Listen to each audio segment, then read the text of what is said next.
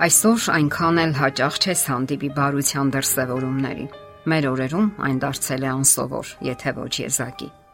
Այս պատմությունը կոչվում է մրցավազք հանուն սիրո։ Մարդիկ զարմանքով էին հետևում Վասքարշավի այդ տարօրինակ մասնակցին՝ 68-ամյա Լաթա Կարեին։ Հետագայում ամուսինը արցունքն աչքերին կպատմի, որ անկեղծ ցավ է զգում այն բանի համար, որ իր կինն այդ տարիքում նման որոշում ընդունեց՝ մասնակցել մրցարշավին հանուն ամուսնու կամ որ նույնն է հանուն սիրո։ 68-ամյա կինը, որ չգիտեր անգամ թե ինչ է վասքարշավը, վազում էր եւ մտածում միայն ամուսնու մասին, որի բժշկական ծախսերի համար մահուչապ շատ գումար էր հարկավոր։ Այդ կինը ծնվել էր Հնդկաստանի աղքատ գյուղերից մեկում։ Նրանց ընտանիքն աղքատ էր եւ այդ գյուղի բնակիչներին անմատչելի էր անգամ ամենասովորական բուժումը, իսկ թանկարժեք հետազոտություններ անցնելու մասին խոսք անգամ չկար։ Սակայն ստացվեց այնպես, որ Լաթա Կարեի ամուսինը հիվանդացավ եւ անհրաժեշտ էր հետազոտություն ժամանակակից սարքավորումներով։ Սակայն այդ աղքատ ընտանիքը համակարգչային տոմոգրաֆիայով հետազոտություն անցնելու մասին մտածել անգամ չէր կարող։ Կինն անընդհատ մտածում էր, թե որտեղից կարող է ճարել անհրաժեշտ գումարը, երբ հանկարծ պատահականորեն իմացավ Վասքարշավի մասին։ Իմացավ նաև, որ հաղթողին դրամական պարգև է սպասվում։ Գլխավոր մրցանակը 70 դոլար էր։ Իրենց գյուղական չափանիշներով դա բավականաչափ մեծ գումար էր։ Եվ ահա 68-ամյա կինը որոշեց մասնակցել մրցույթին։ Նա ճուներ մարզահակուստ եւ համապատասխան մարզակոշիկներ։ Ամբողջ տարածությունը նավազում էր իր սովորական հնդկական երկար հագուստով եւ բոկոտը։ Եվ ի զարմանս կազմակերպիչների եւ մրցույթին հետևողների այդ տարեց կինը հաղթեց Նա առաջինը հատեց եզրագիծը։ Հարցազրույցի ժամանակ կինը խոստովանեց, որ երբեք չէր մտածել, որ վազքը սպորտ է։ Ամբողջ ճանապարհին վազքի ընթացքում նա մտածում էր ոչ թե իր մասին, այլ հիվանդամուսնու։ Լաթա Կարեն հաղթեց։ Այդ գումարը բավականացրեց թե համակարգչային տոմոգրաֆիայի հետազոտություն անցնելու եւ թե բուժման ծախսերը հոգալու համար։ Այս պատմությունը հայտնի դարավ լայն հասարակությանը։ Այդ մասին կարճամետրաժ ֆիլմ նկարահանվեց, որտեղ նկարահանվեց գլխավոր հերոսի դերում հենց ինքը այդ անհավատալի կինը։ Ոչ սովորական պատմություն է եւ այնուամենայնիվ իրականություն է պատմություն, որ կգրվի նաև կյանքի գրքում, երբ բացվեն երկնային գրքերը մարդկանց կյանքն ու գործերը քննելու համար, եւ անաչար դատավորը կարծակի իր անբեկանելի ու արդար վճիռը։ Ինչ է բարությունը եւ ինչ է ասում այդ մասին Աստվածաշունչը եւ անգամ ժամանակակից գիտությունը։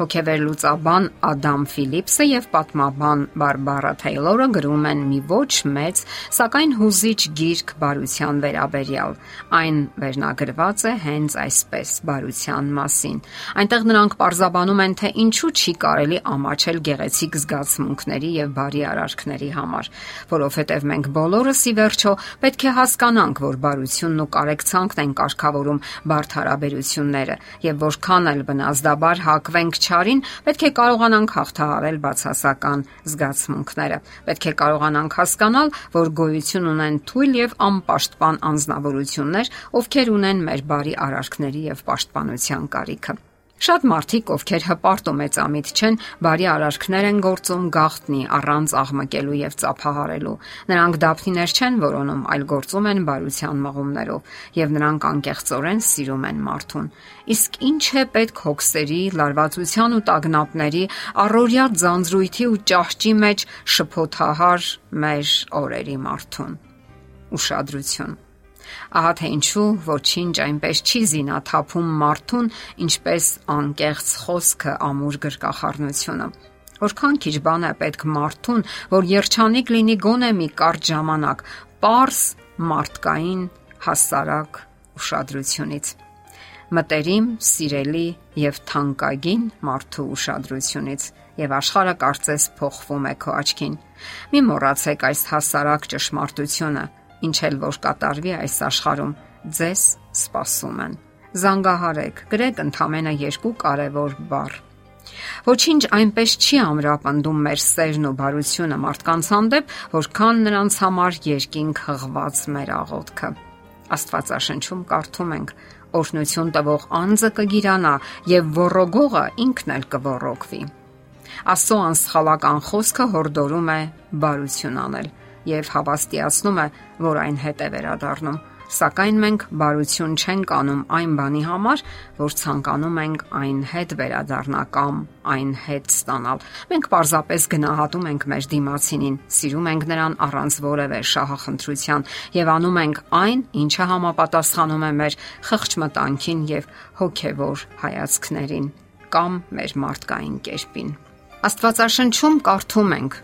Մի ասա, ինչպես որ ինձ արեց, ես էլ իրեն այնպես եմ անելու այն մարդուն հատուցելու եմ նրա գործերի համեմատ։ Երբ մենք մարդուն հատուցում ենք նրա արարքի համեմատ, նմանվում ենք նրան եւ ոչնչով չենք տարբերվում։ Իսկ երբ չարության փոխարեն բարությամբ ենք պատասխանում, մի քայլ առաջ ենք անցնում։ Իսկ մեր աշխարհն այսօր բարի գործերի կարիք ունի, որովհետեւ այնքան շատ մարդիկ պարզապես փափագում են ուշադրության ու բարի գործերի։ Ահա թե ինչու Երկիր մոլորակն այսօր հեծում է ցավերի ու վշտի մեջ, լացի ու անըմբռնողության մեջ,